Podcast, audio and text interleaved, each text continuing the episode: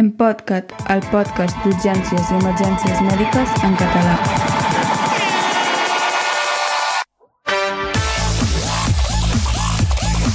Benvinguts a aquest nou episodi de l'Empodcat. És l'episodi número 11 eh, de l'Empodcat, que és un espai, com sabeu, per conversar sobre urgències i emergències sanitàries eh, que el conduïm un grup eh, multidisciplinari i multicèntric. Com tots sabeu, per un costat tenim l'Albert. Hola, Albert, bon dia. Hola, bon dia. Presenta't una miqueta, va. Bueno, jo sóc l'Albert Om, sóc infermer d'urgències i emergències, aquesta especialitat que no tenim, i de moment treballo al Pirineu, a la plana Seretana, en un centre sanitari que és meitat català, bueno, és català, però és meitat de l'estat espanyol, meitat de l'estat francès. I tinc un blog que es diu Emermet Pirineus amb les seves corresponents xarxes socials. I l'altre que heu sentit que us parlava és en Xavi Basurto des de l'Empordà. Va, Xavi, ara toca a tu. Ah, exacte. Sí, sóc en Xavi Basurto i que sóc metge del Servei d'Urgències de l'Hospital de Figueres. Escric algunes coses en el blog d'urgem.cat i les eh, socials eh, associades. I res, una vegada fetes les, aquestes presentacions que ja ens coneixeu, eh, avui presentarem un tema principal, eh, que en aquest cas eh, agafeu-vos fort perquè el tema en si es diu eh, drenatge d'hematomes epidurals amb agulla intraòssia. No us preocupeu que ara l'Albert ens farà un breu resum sobre, sobre aquest tema, què podem fer, què no podem fer i, i els riscos que això pot tindre i les experiències que hi han hagut. I després, com sempre, en aquests episodis, en aquests eh, en podcasts, explicarem alguns urgent mots que ens han semblat interessants i algunes recomanacions que tant l'Albert com jo hem trobat per les xarxes socials que ens poden ser d'utilitat a, la, a la pràctica clínica real d'urgències. No sé, Albert, si et sembla vols començar ja amb el tema principal d'aquest episodi de l'Empodcat o, o vols afegir-hi alguna cosa més? Vinga, vinga, comencem, que hi ha xitxa aquí. Mireu, el... Vinga, va. No, no, ens facis, no ens facis molta por, eh, amb aquest tema. Doncs mira, per por, per por la que van passar els companys que es van trobar amb un cas que potser us és familiar. Eh? És algú que ha patit, en aquest cas, són un parell, però vaja, eh, els casos acostumen a ser semblants. No? Una persona que pateix un traumatisme cranial, que t'arriba, o quan arribes tu està la persona desperta, potser no amb un Glasgow 15, però conversant amb tu, pot semblar més o menys greu, però no, no sembla que se t'hagi de morir al moment, no? I al cap de poca estona aquest, aquest nivell de, de consciència va baixant i al cap d'una estona més doncs el tens en coma i potser fins i tot fent posturetes de descerebració o de corticació i s'acaba morint. Això que he explicat ara és l'evolució natural d'un hematoma epidural, eh, que és un sagnat que es pot produir dins, de, dins del crani, que es produeix, si recordeu l'anatomia de les meninges, doncs tenim tres meninges, la pia mater, la dura mater i l'aracnoides, tal, tal. Bueno, doncs en aquest cas l'hematoma epidural és el que es produeix entre la paret del crani i la meninge, la pia mater. I per què passa això amb aquests hematomes? Mireu, eh, ara farem una miqueta de fisiologia i començarem a parlar de la doctrina de Monroe Kelly, uns savis molt antics del segle XVIII-XIX que van descriure una cosa que és bastant rellevant pel que vull explicar ara. El crani és una caixa tancada, d'acord? No pot expandir-se. El que hi ha dins és hi cap el que hi cap, no hi cap res més. I a dins què hi ha? A dins hi ha bàsicament la massa encefàlica, el parènquima cerebral, que ocupa més o menys el 80% d'aquest volum, que en l'humà, en l'homo sapiens, és al voltant d'un litre 800. Hem dit que hi ha un 80% d'aquest litre 800 que és la massa cerebral, hi ha un 10% d'aquest volum que seran aquests 180-200 mil·lilitres, que correspon al líquid cefalorraquidi, i un altre 10% que correspon al volum de sang circulant, majoritàriament en l'espai venós. Com que hem dit que el crani és una caixa tancada, vol dir que si una d'aquestes tres parts augmenta el seu volum, alguna de les altres dues haurà de baixar-lo, perquè no hi ha espai per tots. Això s'ha entès fins aquí, m'imagino que és senzill. Eh, què passa quan parlem d'un hematoma epidural o de l'hematoma de la mena que sigui? És dir, el que tenim de cop i volta és que es crea un espai nou que va augmentant de volum i com que hem quedat de que per la doctrina de Monroquel i el que puja d'un ha de baixar dels altres, doncs eh, els altres han de baixar el seu volum. Eh, que la massa, el parènquima cerebral no pot disminuir el seu volum, perquè és, està allà, és el seu lloc. Baixa el volum del líquid cefalorraquidi i sobretot de la zona venosa del volum sanguini. Això és un mecanisme fisiològic de compensació que pot arribar fins on pot arribar. Si el volum del nostre hematoma va creixent, va creixent, va creixent, arriba un moment en què ja no és possible eliminar més líquid cefalorraquidi o ja no és possible eliminar més... drenar més sang. I aquest hematoma ens va desplaçant la massa cerebral. Aquest desplaçament de massa cerebral pot arribar a portar que el parènquima cerebral surti dels seus llocs, eh? que passi d'un hemisferi cap a l'altre o que protrueixi cap a algun dels orificis naturals. Eh? Això se'n diu una herniació i qui n'hagi vist alguna, doncs ara mateix deu tenir l'esfínter anal bastant, bastant contret, perquè el que ve després d'això és o la mort o una dependència severa, severíssima. Això al territori meu ha passat un parell de vegades. En una de les vegades eh, bueno, aquesta va acabar molt malament, lius judicials i de més, amb una persona jove, i més endavant, en una altra d'aquestes vegades que va començar a passar, algun atrevit eh, va entrar aquesta persona al quiròfan i li va drenar aquest hematoma. Perquè es feia una composició, eh, aquesta persona que li va drenar doncs no era neurocirurgià, eh, tot el que teníem era un escàner del crani que en convenció, en conversa amb el neurocirurgià que l'havia d'atendre va dir que si no se li drenava es moriria i el, per això, algun valent va fer l'acte heroic de pujar-lo al quiròfan i fer-li un forat a la closca i buidar-li el drenatge. Això que sona tan salvatge, i, bueno, de fet, és bastant salvatge, eh, és quelcom que es porta fent a la història de la humanitat des de mil·lennis. Eh? Cranis, s'han trobat cranis d'aquests amb excavacions arqueològiques que tenen forats a la closca. No sap massa bé a què responien, ni si quan els hi van fer estaven vius o no. I no, no, eren, no eren punyals ni destrals, no? Eh... No, no, no, es veu que eren, eren forats amb un... Bueno, s'especula que no siguin rituals, segurament post-mortem, però bueno, eh, o sigui, això, aquest acte, que de fet té nom, és la trepanació, no és nou a la història de la humanitat. I de fet, en el moment actual, aquestes trepanacions és part de la terapèutica de neurocirurgia, que potser en parlarem una miqueta després, de lo poc que he après, però també està inclòs com un acte quirúrgic eh, d'extrema urgència per a personal no neurocirurgià en determinats llocs del món. Uh -huh. I suposo que em referiré diverses vegades a Austràlia, perquè aquesta situació que a nosaltres ens passa, doncs imagineu-vos en un lloc on les distàncies encara són més grans i el, el temps a arribar fins al neurocirurgià encara és més llarg. Uh -huh. Bé, doncs l'acte quirúrgic de forma tradicional es fa de la següent manera. Tu fas la teva preparació del camp quirúrgic, el rasurat, el de la desinfecció, tot el tema anestèsic i de més. Fas una incisió a la pell fins a arribar a la calota. Un cop a la calota agafes la teva màquina de foradar, ja sigui un filaberquí manual o un o motor, i poses la broca que correspongui, acostuma a ser bastant, bastant grossa, de l'ordre de me, entre 1 i 2 centímetres de diàmetre, potser una miqueta més i tot, i acabes foradant el, la bòveda cranial. Segurament hi ha molts més detalls a donar, però bueno, com a, com a idea ens pot servir un cop has foradat la bòveda craneal i tens el forat obert, doncs amb un aspirador, amb unes pinces i tal, vas retirant l'hematoma que tinguis a sota. Amb això què fas? Amb això elimines aquest volum que teníem dins del crani que desplaçava l'estructura cerebral i llavors a partir d'aquí, eh, a l'haver eliminat això, doncs el, aquest risc de que la massa cerebral protrueixi per on no toca, doncs el disminueixes. Si això es fa en temps i forma adequats, doncs la supervivència i la qualitat de vida dels supervivents és, es descriu com a bastant bona. Però bueno, suposo que en el moment en què he explicat aquesta tècnica quirúrgica tothom ha vist que això està bastant fora de l'abast de la majoria de nosaltres. Els, els temps aquests, perdona, Albert, els temps aquests que dius adequats i d'això ens, ens, ens eh, estan definits, això, o ens ho comentaràs després? O... Perquè això sí que ens, és el que em preocupa a mi. Mm, mira, massa definits no, però algunes idees ja que sortiran més endavant. Val. Repescant, el que volia dir és que, clar, fer el forat aquest no és quelcom que estigui a l'abast i és molt trist que una persona que t'arribi conversant, bueno, no sé vosaltres, tots ens deu haver passat, però a mi és quelcom que m'angoixa molt, no? Algú que para, arriba parlant amb tu i se't mor abans d'haver sortit del teu servei. I això és una d'aquelles coses que et planteges què podies haver fet per evitar-ho.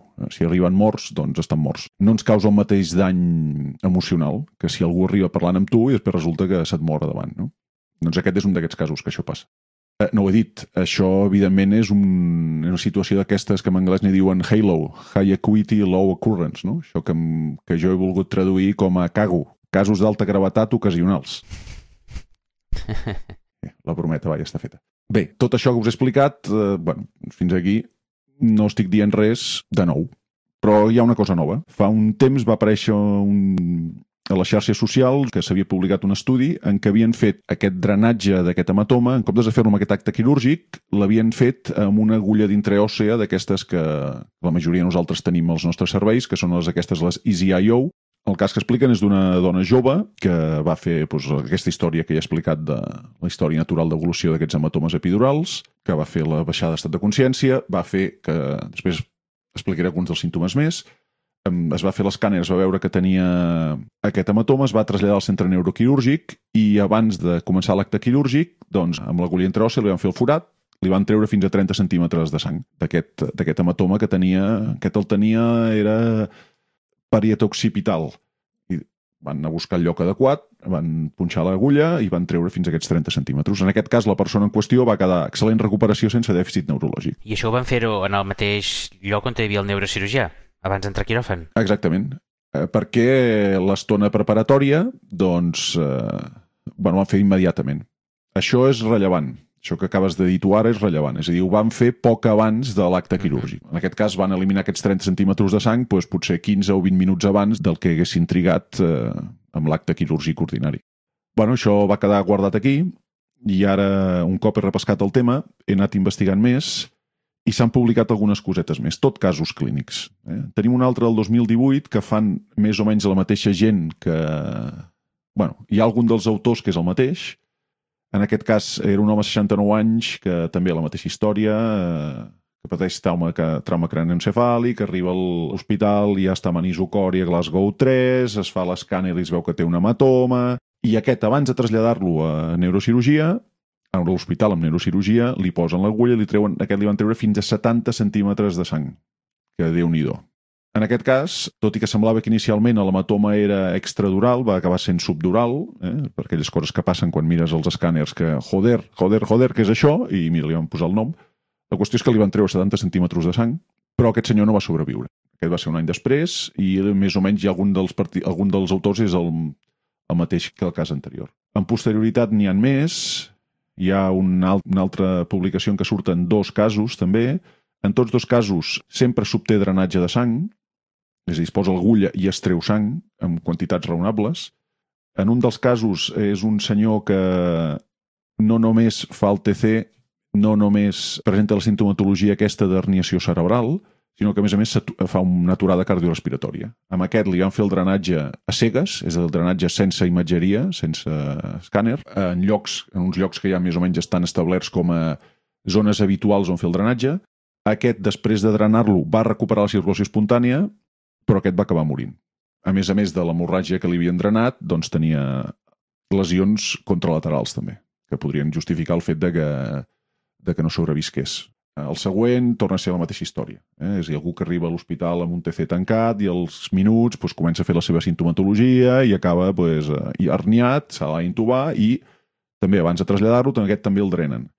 Treuen 15 centímetres de sang, millora la sintomatologia, l'operen, aquest va quedar amb, amb una alta dependència. És a dir, aquest no se li ha fet cap favor, tot el contrari.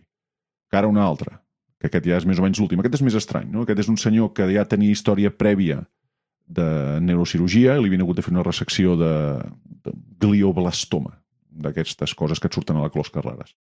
Aquest va fer un TC, amb aquest també van, des, com que no podien operar en el moment en què va passar això, perquè estava el quiròfan ocupat en un altre cas, doncs li van fer el mateix, un drenatge amb l'agulla d'intraòssia, que li van, li van arribar a treure pràcticament un quart de litre de sang. Aquest tampoc va sobreviure. És dir, per una banda tenim d'aquests cinc casos que hi han escrits, que són els que he trobat, el primer funciona perfectament, els altres quatre no n'hi ha cap que vagi bé. Uh -huh. Després eh, hi ha una altra, una altra publicació que hi ha d'un estudi cadavèric per veure com es podia fer i com es podia deixar de fer. Per què em va semblar interessant l'ús d'aquesta cosa intraòssia, d'aquesta pistola intraòssia? Doncs perquè dels, dels procediments aquests HALO, eh, aquests els High Acuity Low Occurrence, eh, a l'hora de fer-los sempre hi ha dues grans limitacions. Eh? Són els procediments que justifiquen la pràctica de la medicina d'urgències, els que tu marques la diferència, els que el fet de fer-li o no fer-li hi va la supervivència al malalt. Els dos factors limitants, eh, el primer és l'impacte emocional de fer-ho dir, són actes que acostumen a ser molt cruents i fan molta por. I com que fan molta por, doncs t'inhibeixes i no els fas. I no fer-los eh, implica que la no supervivència o el gran dany pel pacient. I aquest primer factor limitant ve influït també pel segon, que és la dificultat tècnica. Si un procediment és tècnicament molt difícil, doncs eh, és més fàcil que t'inhibeixis tu i diguis que això és molt difícil, no ho sé fer, no m'atreveixo a fer-ho.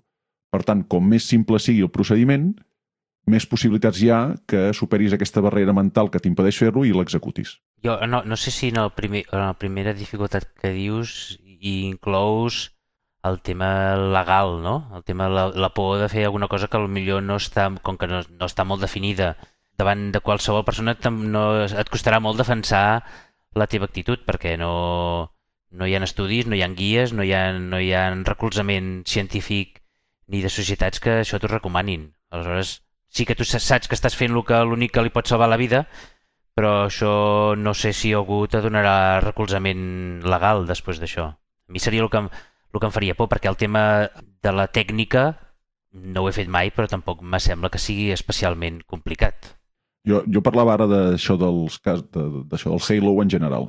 És a dir, aquest és un, Val. és el drenatge o la trepanació, però, per exemple, la, la histerotomia de resuscitació, no? Sí. la cesàrea perimortim, està dins les guies de Sí. RCP. Sí, això sí. Uh, el drenatge de, de pneumotòrax de tensió està dins les guies de RCP. Sí, I fins i tot aquest que estem parlant ara, de la trepanació, està inclòs dins de determinades guies de determinats llocs on s'han plantejat, on, on aquest problema és més recurrent. sí.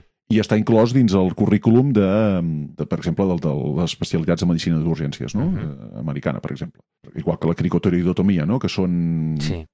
són actes d'aquests. No? És a dir, el, el, el risc legal eh, jo l'incloc dins aquesta primera barrera emocional, per dir-li algun nom, que hi ha. sí.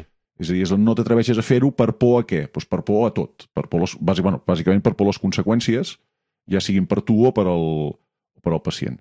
Mm. Ve influït, evidentment, per, tots els, per la teva pròpia història. És a dir, si tu n'has fet un abans et farà menys por fer-ne, si t'has entrenat et farà menys por fer-ne, i l'altre punt és aquest que comentava de la, de la dificultat tècnica. És a dir, una, per exemple, un altre cas Halo d'aquests és la toracotomia, no? que és un, jo penso que de, de tots els actes que es poden fer, aquest segurament és el més cruent de tots. Doncs clar, només, el, només la dificultat tècnica que suposa fa que molta gent ni tan sols es plantegi aprendre-ho, perquè dius "És que això sóc incapaç de fer, sóc incapaç d'aprendre tota aquesta quantitat de d'habilitats quirúrgiques que necessito per poder-ho tirar endavant. No? Per això era interessant aquest, això que descriuen, l'ús d'aquesta agulla, perquè, carai, intraòssees Sí, sí. Mm, tots hem entrenat a posar-ne, tots els que n'hem posat no... Vaja, està tirat. A dir, no només has de saber on posar-ho. I ja està. Aquí simplement canvies el cap humeral o, o la tíbia per, per, per la closca. Ja està. Era una idea. No dius, home, això és interessant, això pot permetre que quan succeeixi, perquè tant de bo no, Mhm. però qui més qui menys algun cas d'aquests haurà vist, o veurà al llarg de la seva carrera professional, doncs quan succeeixi, tinc aquesta eina. Que la necessiti o no és una altra història. I aquí és on anirem ara. D'acord? Que tu has demanat abans. I això, mm, temps i de més, com s'ha de fer i tal. Mireu, davant d'això de la- de l'hematoma epidural, el que primer que necessitaríem saber és eh, en quin moment d'aquesta evolució natural de l'hematoma estem. Perquè, clar, si tu fas un escàner una persona que està parlant amb tu i té una mica d'hematoma epidural, però segueix parlant amb tu, doncs té molt poc sentit fer res, no? I aquí tornem a la doctrina aquesta de Monroe Kelly que parlava al principi.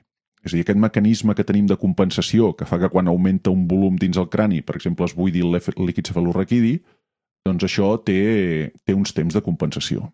Mentre el volum va pujant relativament a poc a poc, pots anar drenant el- els sinus venosos, pots anar drenant el líquid cefalorraquidi i vas compensant. Però a partir de cert moment, i és una curva exponencial, un petit increment de volum d'aquest hematoma, per exemple, fa que la pressió dins del crani augmenti una barbaritat perquè ja no pot drenar més. I és a partir d'aquest moment on les coses comencen a anar malament i comencen a anar malament molt de pressa. És aquest moment el que tenim aquesta sintomatologia que apareix molt ràpidament.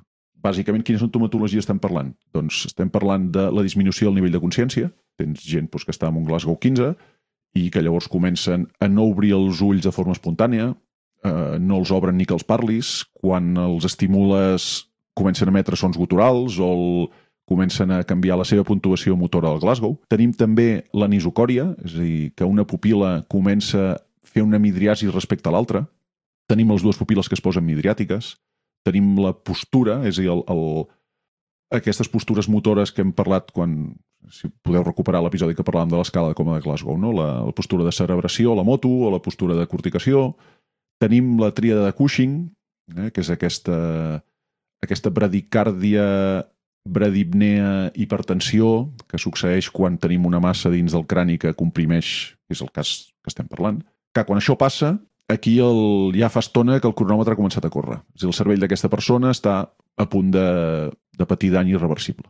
Quan ens passa això, no només tenim l'opció de, de fer el drenatge, és a dir, quan hem arribat a aquest moment de que la pressió intracranial puja tant, tenim diferents eines per compensar-ho. Eh, hi ha una sèrie d'actuacions genèriques que podem fer i que de fet eh, fem sistemàticament, no? que és l'elevació del tronc, l'obertura dels collarins cervicals per no comprometre el retorn venós, l'analgèsia la sedació, la intubació si és necessari, si la intubes, evidentment, la ventilació mecànica. I si ja tenim aquesta sintomatologia, llavors tenim un primer graó d'actuacions terapèutiques per a disminuir la pressió intracranial. D'acord? Això penso que el tema és prou interessant com per parlar-ne algun altre dia amb algú que en sàpiga, perquè hi ha aquest primer graó i encara un segon graó. Que aquest segon graó ja acostuma a estar fora de les capacitats dels, dels serveis d'urgències. Aquest primer graó doncs, inclou el drenatge de la, de la lesió si és adequat si, des del punt de vista neuroquirúrgic, que per al cas dels hematomes epidurals es parla que qualsevol hematoma que superi uns 30 centímetres cúbics, entre 25 i 30, s'hauria de drenar. Evidentment, en, com que es parla de neurocirurgia, doncs, en primera instància o preferiblement per part de neurocirurgià a quiròfan. Eh? Però tenim altres coses a fer. Tenim la, la possibilitat de fer la relaxació muscular del pacient, amb la qual amb això millorem una miqueta aquesta pressió intracraneal. Tenim l'opció de fer una hiperventilació moderada, és a dir, portar la persona a pressions parcials de CO2 amb sang en límit baix de la normalitat. Això fa una vasoconstricció cerebral i, per tant, disminueix una miqueta el volum de, el volum de sang circulant. Clar, hem de vigilar perquè si, si constrenyim massa la circulació, llavors farem una isquèmia i serà pitjor el remei que la malaltia. I també tenim, potser és la que tots tenim més a l'abast, que és la teràpia hiperosmolar, que és fer servir manitol o sèrum salí hipertònic amb la intenció de disminuir l'edema dins del cervell i, per tant, com que t'emportes part del volum de líquid dins del cervell, doncs aconsegueixes baixar una miqueta aquesta pressió intracranial. Això són mesures que tens per anar compensant aquest augment de pressió que tenim perquè ja no hi ha cap volum desplaçable dins del crani.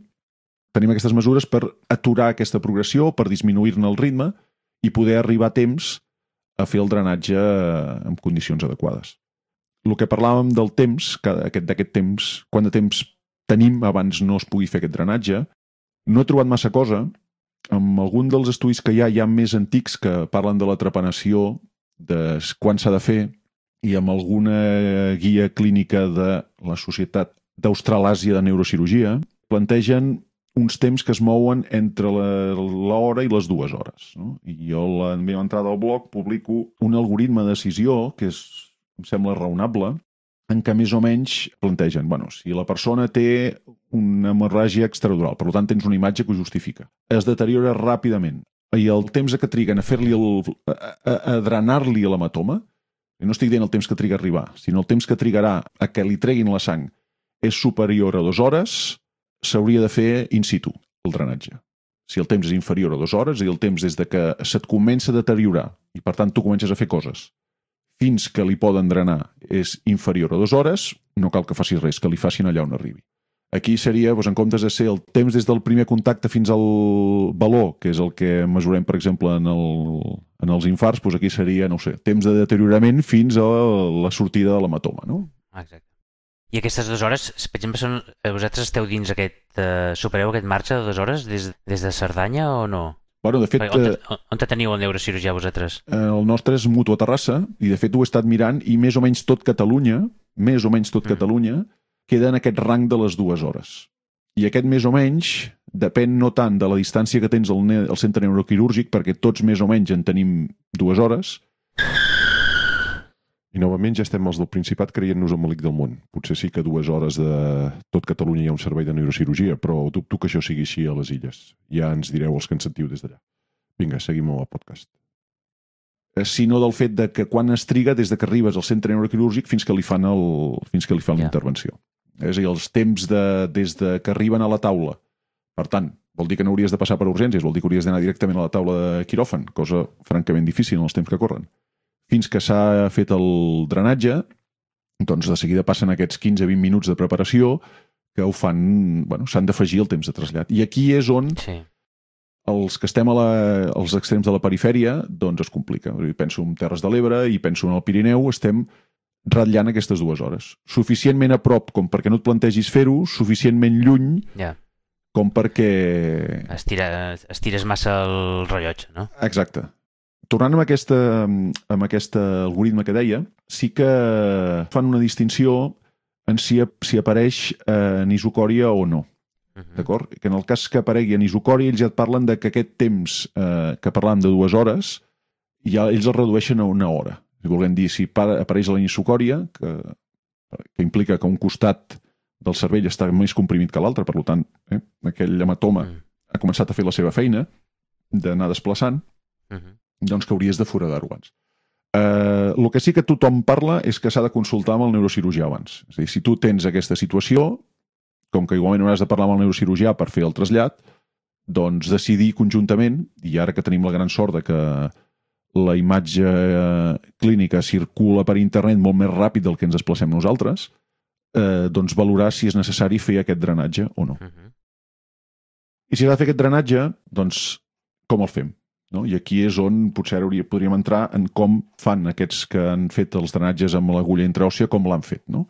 I com es fa amb mitjans quirúrgics vale. habituals. Diguem. Perquè Una, una pregunta, Albert. La fase aquesta intermitja que has explicat de les mesures posturals i del tractament antiosmòtic i tot això, eh, això seria per donar-te temps durant aquestes, per aquestes dues hores de trasllat? O sí o sí, quan posis es- aquestes mesures, vol dir que ja has de començar a pensar-te...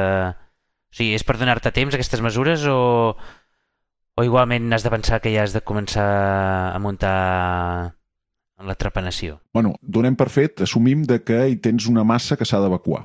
D'acord? Sí. És a dir, que tens aquest hematoma que ja quirúrgica, que neuroquirúrgicament s'ha d'evacuar. Quan fas aquestes mesures les fas amb intenció de, no de que el dreni el neurocirurgià, que és el seu, eh? és el que hauria de ser.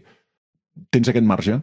Quantes vegades pots repetir els bolos de teràpia i. -huh. i, hiperosmolar? Doncs no ho sé. Eh, quant de temps pot pot durar-te cada un? Doncs clar, depèn del de la velocitat d'expansió de l'hematoma. Per això la consulta aquesta amb el neurocirurgià per decidir si què va primer, no? Si va primer el drenatge i amb la qual has eliminat la causa i aquest eliminar, entre cometes, que després, després en parlo. És dir, si has eliminat la causa ja tens més marge o l'aguantes fins que arribi. Um, dependrà molt d'on estiguis. Mm -hmm. Si tu estàs a un centre que estàs a mitja hora, doncs probablement si ets prou hàbil com per generar el trasllat mentre fas aquestes coses, doncs no tindràs cap necessitat ni de plantejar-te què fas. No? És a dir, és el de... Entres en el mode eh, del codi infart. Sí, sí, sí, sí, però s'ha de destapar. Sí, sí, sí, sí, però s'ha de destapar. Farem tot això, però s'ha de destapar. I el teu objectiu és anar corrents a que el destapin. Doncs aquí és el mateix. Uh -huh. Que això ens passa a nosaltres, també ens passa el mateix amb el codi IAM. Eh, Tenim la possibilitat de fer una medicació que donada abans de no sé quant temps funciona i a partir de... entres amb aquesta competència que va primer, no? Sí, sí. Eh, aquí, doncs, els que esteu a mitja hora de, o fins i tot del teu propi servei d'urgència. Si tu estàs en un servei d'urgències que tens neurocirurgia però no hi és de presència física i ha de venir i s'ha de muntar tot el sidral, doncs saps que des de que se't comença a deteriorar fins que li faran el forat, doncs tranquil·lament passarà aquesta mitja hora o l'hora sencera. Doncs amb això ho contemporitzes, no? ho, ho atures Uh -huh. i jugues eh, no, que no sigui necessari tirar-ho endavant Vale, vale. però bueno, has de tenir la recàmera. Uh, has de saber que el tractament és el drenatge. Si el pot fer el neurocirurgià, doncs molt millor. Si no, que el faci algú abans ja no tingui cap sentit fer-lo perquè ja, ja no hi ha res a fer, no? Uh -huh. Uh, la tècnica de com fer-ho amb l'agulla intraòssea. Bueno, la tècnica de la punció, doncs, poca cosa a dir.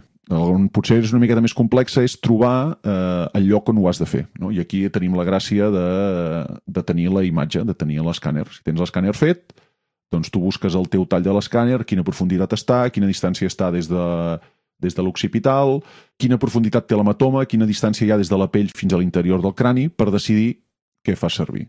L'acte de posar l'agulla no té més drama, és a dir, igual que una intròcia, us mireu qualsevol vídeo de com posar l'EasyIO i ja està. Eh, La mida de l'agulla, doncs la mida de l'agulla la determines, amb, la pots determinar amb la mesura. Agafes el teu tall de l'escàner que més profund és l'hematoma i mesures allà. I quina distància ha. D'acord? En l'estudi aquest sobre cadàvers es van dedicar a mirar quina agulla era la que s'havia de fer servir, perquè clar, que tampoc vols és entrar amb una agulla gegant i travessar més enllà de l'hematoma i arribar a la massa cerebral. També dius, hòstia, mm, és pitjor el remei que la malaltia, potser, no? Eh, en aquest estudi de cadàvers, ells el que feien era... Deien que si feies un tall al, a la pell, arribar fins a la calota i en comptes de foradar amb el filaberquí i la broca grossa, feies servir l'agulla de 15, la blava, la pediàtrica, doncs ja eh, pràcticament tots arribaves a entrar dins la calota sense superar el, sense entrar massa endins. Aquí una miqueta ho ve, ve determinat per les mides que hagis pres. Eh? Transferir les mides que tu has mesurat en la imatge a la realitat pot ser una miqueta complicat, també. Aquí és on entra en joc doncs, fer servir alguna eina tipus una caixa de cartró i una cinta mètrica per decidir que si està no sé quants centímetres de l'occipital, doncs, conyo, ho mesures, no? Tot i que, bueno, estem parlant d'hematomes que tenen unes certes dimensions, amb la qual tampoc vindrà massa d'un centímetre. Si has de mesurar tant, potser és que no necessites fer forat. Això ja és un altre tema. Un cop has introduït l'agulla, doncs què has de fer? Es treus el fiador i aspires. I vas aspirant. Quan? Fins que no surti més sang. I probablement, si és un hematoma epidural, amb més possibilitats que si és una, un subdural, és probable que més endavant hagis d'anar buidant més. Eh, en els casos aquests que explicava, n'hi ha algun que van haver d'aspirar més d'una vegada. És a dir, van aspirar un cop i després van tornar a aspirar un altre. En tots els casos van sortir volums de sang considerables. Eh? Vale, per tant, treus el fiador i deixes eh, el drenatge posat i vas aspirant en funció que vagi sortint. No, o sigui, no, no retires una altra vegada tota la No, introducció. no, deixes l'agulla posada. I, de fet, això que Val. ens sona tan salvatge no és quelcom estrany amb neurocirurgia. És a dir, els... De fet, ja tenen nom, no? El tu- twist drill, no sé què, no? És dir, cargols que es collen al crani. Sí. Això ho fan servir, per exemple, per entrar als sensors de, de pic o els trastos aquests de fer microdiàlisi cerebral, que són això a ciència-ficció, pràcticament. No, no és pas nou. I, de fet, mentre documentava per això, resulta que hi ha un, una, una tècnica nova, relativament nova, per als hematomes subdurals crònics, és a dir, els que ja et fan dies o setmanes que tenen un hematoma subdural que els està donant pel sac, fan servir unes agulles no gaire diferents de mida, que tenen dos ports, un amb el qual van irrigant amb suero o fins i tot amb uroquinasa eh, per desfer trombo, i amb l'altre van aspirant. És a dir, fan servir agulles d'una mida relativament petita per, eh, per, no, per no haver de fer els drenatges aquests més grossos. No? És a dir, que, és és- sí, això que estem parlant és una cosa salvatge, però no és una cosa tan fora de lloc. Eh? Que segurament és fora de lloc és on es fa, no tant eh, el que es fa. Sí, on es fa i, i l'experiència de, la, de la gent que ho ha de fer-ho, no? Exacte, sí, sí. Aquí, el, aquí me'n vaig al, um, als llocs on el concepte de medicina rural i remota és una altra història, o sigui, Austràlia, bàsicament, eh? on doncs, bueno, doncs, eh, pots, pots estar a dues hores amb avioneta del poble més proper, ja no dic de l'hospital. Sí, No, sí, clar, fins és, a eh, l'aeròdrom més proper tens dues hores. Sí, sí, amb avió, no amb cotxe. Eh, Sí, sí, sí. Doncs aquells, aquests 5.000 quilòmetres de punta a punta d'Austràlia doncs s'han de notar. Bé, doncs una miqueta la cosa... Aquesta és tota la història. Eh? És a dir, tens aquests pacients que, que se't moren davant teu, doncs tens les eines que he descrit per intentar tirar-los endavant. I tenir aquesta possibilitat de fer el drenatge amb l'agulla intraòssea, doncs, bueno, és un roc a la faixa més que tens. Que el puguis fer servir o no, doncs dependrà de, de com se't girin les coses. Jo espero que no haver-ho de fer servir en la vida, però sé que tinc aquesta possibilitat. Si la possibilitat és de muerte o això, doncs bueno, es pot plantejar. Si no la tens, a la... si no la tens doncs no, cal, no hi ha gran cosa a plantejar. En comptes d'explicar-li a la família que probablement morirà però tenim una eina, doncs li dius que es morirà i que Sí, sí, es vagin no, acomiadant.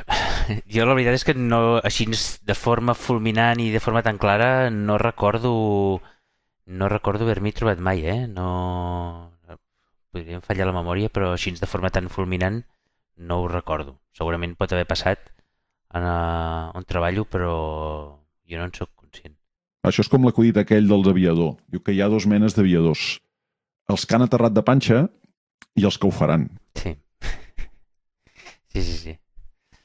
Doncs aquí, bueno, és una, oh, tant de bo no ens passi, eh? però crec que no seria estrany que hi hagués gent que ho hagi viscut i el que és segur és que tots els nostres serveis un cop o altre ha passat. Sí, sí, no, no, segur. Més o clar. menys. Eh... Molt bé, molt bé, molt interessant. Molt interessant. Aviam si segueixen publicant algunes, no? algunes sèries més o unes sèries una miqueta més... Eh...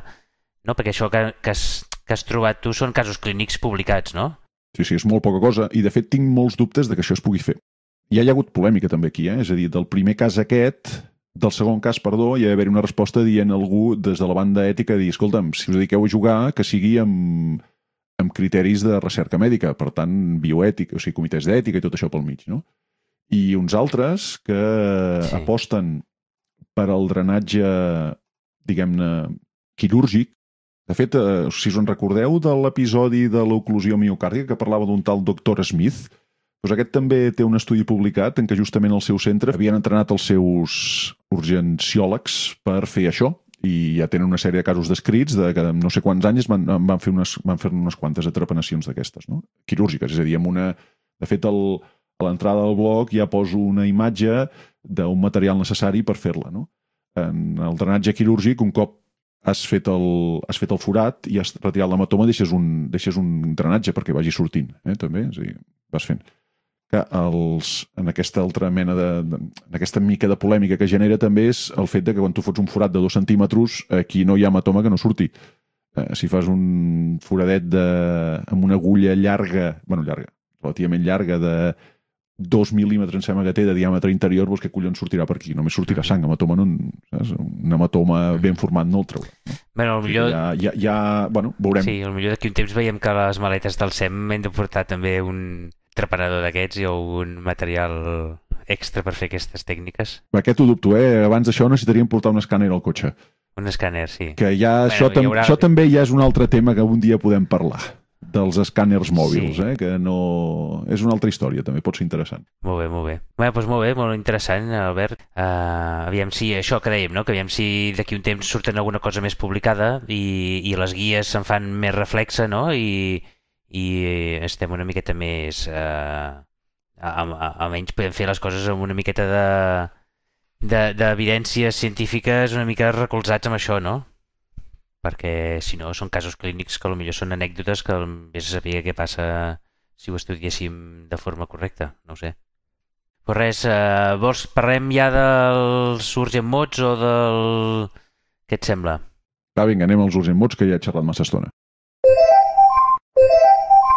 si us sembla, us explico quatre urgent mots que he anat seleccionant que m'han semblat interessants eh, i després me dius tu si tens algun, algun per comentar.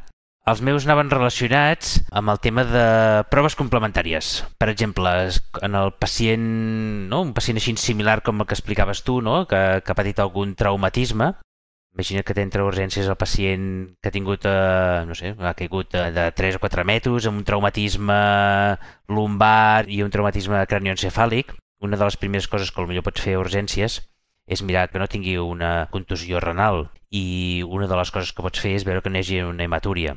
Aleshores, en lloc de fer servir una tira d'orina, hauries de fer servir una tira reactiva. Per veure si hi ha hematies a l'orina, fa servir una tira reactiva. Si et preocupa l'estat eh, neurològic del pacient, en lloc de fer un atac, correctament hauries de parlar d'una tomografia computada o una TC. Segurament necessitaràs fer-li una anàlisi clínica. També podríem dir-li una analítica. Val? És un sinònim complementari correcte, però si ho vols escriure de forma més eh, adequada amb un informe mèdic o un informe més formal, el terme més correcte és una anàlisi clínica. Si n'has fet diversos, estàs parlant d'unes unes anàlisis clíniques, vale? és en, en femení i plural. En aquesta anàlisi clínica tu li pots veure diverses coses, entre elles una glucèmia. En lloc de glicèmia, que també és correcte, el terme preferit pel term CAT és glucèmia. I en lloc de... Moltes vegades parlem de l'hematocrit, el terme correcte és l'hematòcrit. És, una, és posar-li l'accent obert a la O, és un hematòcrit. I en cas de que aquest hematòcrit hagi disminuït molt, el pacient estigui hipovolèmic i tal, necessitarem posar-li sang. Per tant, necessitarem fer-li unes proves encreuades. Igual que els lligaments encreuats del genoll, el terme correcte no és creuat, no és proves creuades, sinó que són proves encreuades. I res, són les quatre o cinc coses que volia comentar de, que tenim en l'Urgent Mot, del Diccionari d'Urgències, que anaven relacionades amb, amb temes de proves complementàries que els hi podem fer als pacients a urgències. No sé, Albert, si tenies tu algun urgent mot per comentar. Bueno, jo la TC és el que escric, eh? Ara ja la tomografia ja no porta una A, ja és la TC, tomografia Val, la TC, ja sí, sí. Estic, estic, ja estic fent servir sufràgia i TC. Vaig, vaig fort, vaig fort. Molt bé. Mira, jo per l'urgent motos diria que el paraulògic, eh, que jugueu al paraulògic, que està molt divertit. Ah, molt bé. És eh, sí. altament addictiu. Si no teniu res millor que fer per perdre una hora diària cada dia, jugueu al paraulògic. Us ho passareu bé. Conyes a part. Mira, mentre feia el, mentre escrivia això, això que he explicat abans, Resulta que, mentre passava el corrector, m'he trobat que la protusió, que n'hi he dit tota la vida, la protusió discal, per exemple, Sí. doncs que, que Sí. està mal dit, que les coses no sí? protueixen en català. El verb correcte és protrudir, que és un embarbussament. Per tant, tu no fas una protusió, fas una protrusió. És una tonteria, és una qüestió simplement ortogràfica, però mira, m'he hagut d'aprendre una paraula nova. Protudir, eh? És protudir. Sí, noi. No la tens al diccionari del teu, de la No. teva web, eh? No. No, no, no sé si No, no, és no. rellevant posar-la o no. Val, molt bé, està bé. Pro protudir, protudir. Molt bé, molt bé. Està bé, ja la posarem en el diccionari. Vinga, una entrada nova. I què més? Uh, Vinga, anem a les recomanacions d'avui o què? Sí, jo us volia comentar una de les vàries eines que tenim que ens poden ajudar en el cas de les síncopes. En els pacients no, que venen a urgències i que t'han explicat que així de forma sobtada han tingut una pèrdua de coneixement, que s'ha recuperat espontàniament al cap de pocs segons i que tu, després de fer l'anamnesis, decideixes que això és una síncope, Bé, sempre tenim una dificultat per veure si aquesta síncope és el reflexe d'alguna malaltia o d'algun problema greu o no greu i si el pacient, el pacient podrà marxar cap a casa quan acabis tu la, la teva la feina a urgències o s'ha de quedar en observació o s'ha de quedar ingressat. I d'això de fa molts i molts anys eh, van apareixent una sèrie d'escales i de valoracions per tal de decidir decidir-ho de forma una miqueta més homogènia, eh, que no hi hagi tanta variabilitat entre els professionals a l'hora de decidir si es queda o no es queda o, o que depengui tant de, de qui hagi de guàrdia d'internista, de cardiòleg, etc. Aleshores, hi ha una, una eina que és el Canadian Syncope Risk Score i us el comento perquè fa relativament poc va sortir publicat en el JAMA el 2020 la validació d'aquesta escala que es van fer en nou centres d'urgències del Canadà que van incloure gairebé 4.000 pacients i bé, i és una escala molt i molt fàcil de poder fer servir.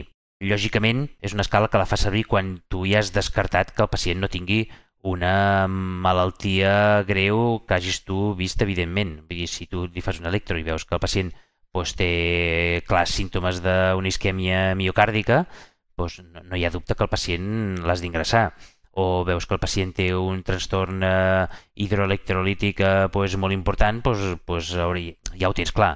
La gràcia d'aquestes eines és quan tu tens un pacient que no li has trobat res evident, aleshores és el dubte de dir, ostres, jo sé que aquests pacients que no els he trobat res evident, sé que durant els 30 dies següents o un 3 o un 5% d'aquests poden fer un esdeveniment eh, greu o molt greu o morir-se. Per tant, és, és en aquests casos que no has vist res evident eh, a quins, a quins ingresses, a quins deixes en observació i a quins li pots donar d'alta. Doncs la Canadian Syncope Risk Score te pot ajudar amb això. Aquesta escala la tenim en el, amb una eina que em sembla que hem comentat alguna vegada, que era el mdcalc.com. Allà trobareu la- l'escala aquesta i veureu que és molt fàcil d'utilitzar perquè només te demana eh, si hi havia algun eh, símptoma d'una causa vasovagal que predisposi en, en aquest síncope que estàs visitant, no? si el pacient té història de malaltia cardíaca, i la tensió sistòlica que tenia el pacient en alguna de les mesures, no? si estava hipotens o estava molt hipertens. De proves complementàries només te demana la troponina, d'electro només te demana temes relacionats amb el QRS, l'eix del QRS, la duració del QRS i el QT, i després si tu creus que és un, un síncope vasovagal, és un síncope cardíac o no és cap d'aquests dos. Amb aquests paràmetres te classifica els pacients amb molt baix risc de tindre un esdeveniment seriós o mortal en els pròxims 30 dies, molt baix risc, baix risc, moderat o alt risc. I saps la mortalitat que té en cada un d'aquests. És a dir, quan tens un baix risc o molt baix risc, són pacients que els hi pots donar l'alta tranquil·lament perquè molt pocs, o sigui, un de cada mil potser sí que té un esdeveniment advers en els pròxims 30 dies, però bueno, que és el mateix risc de la pneumònia eh, que tu visites urgències i li dones d'alta casa perquè està, no té cap criteri d'ingrés ni d'observació ni de res. Els de risc moderat, en aquests sí que és el, el llindar que queda entremig de què fas, no? si els deixes en observació 12 hores, 24 hores, i després els que està clar que, que has d'ingressar són els de els d'alt risc de complicar-se, perquè aquests sí que ja tenen doncs, un 3% de, de tindre esdeveniments advers, no? de, de, de tindre un infart, de tindre una arrítmia o de morir-se. i almenys pels números que expliquen no? de, de les corbes ROC i de la sensibilitat, de l'especificitat, sí que almenys amb aquest estudi de validació de l'escala eh, sí que tenien unes sensibilitats, em sembla, del 90 i pico per cent, és a dir, és molt raro que tu li donguis l'alta a un pacient perquè et surt de molt baix risc o de baix risc, li donguis l'alta i realment et torni al cap de 24 hores perquè ha tingut un infart o ha tingut una taquicàrdia ventricular. És molt poc probable, és molt segur eh, donar d'alta aquest tipus de pacients.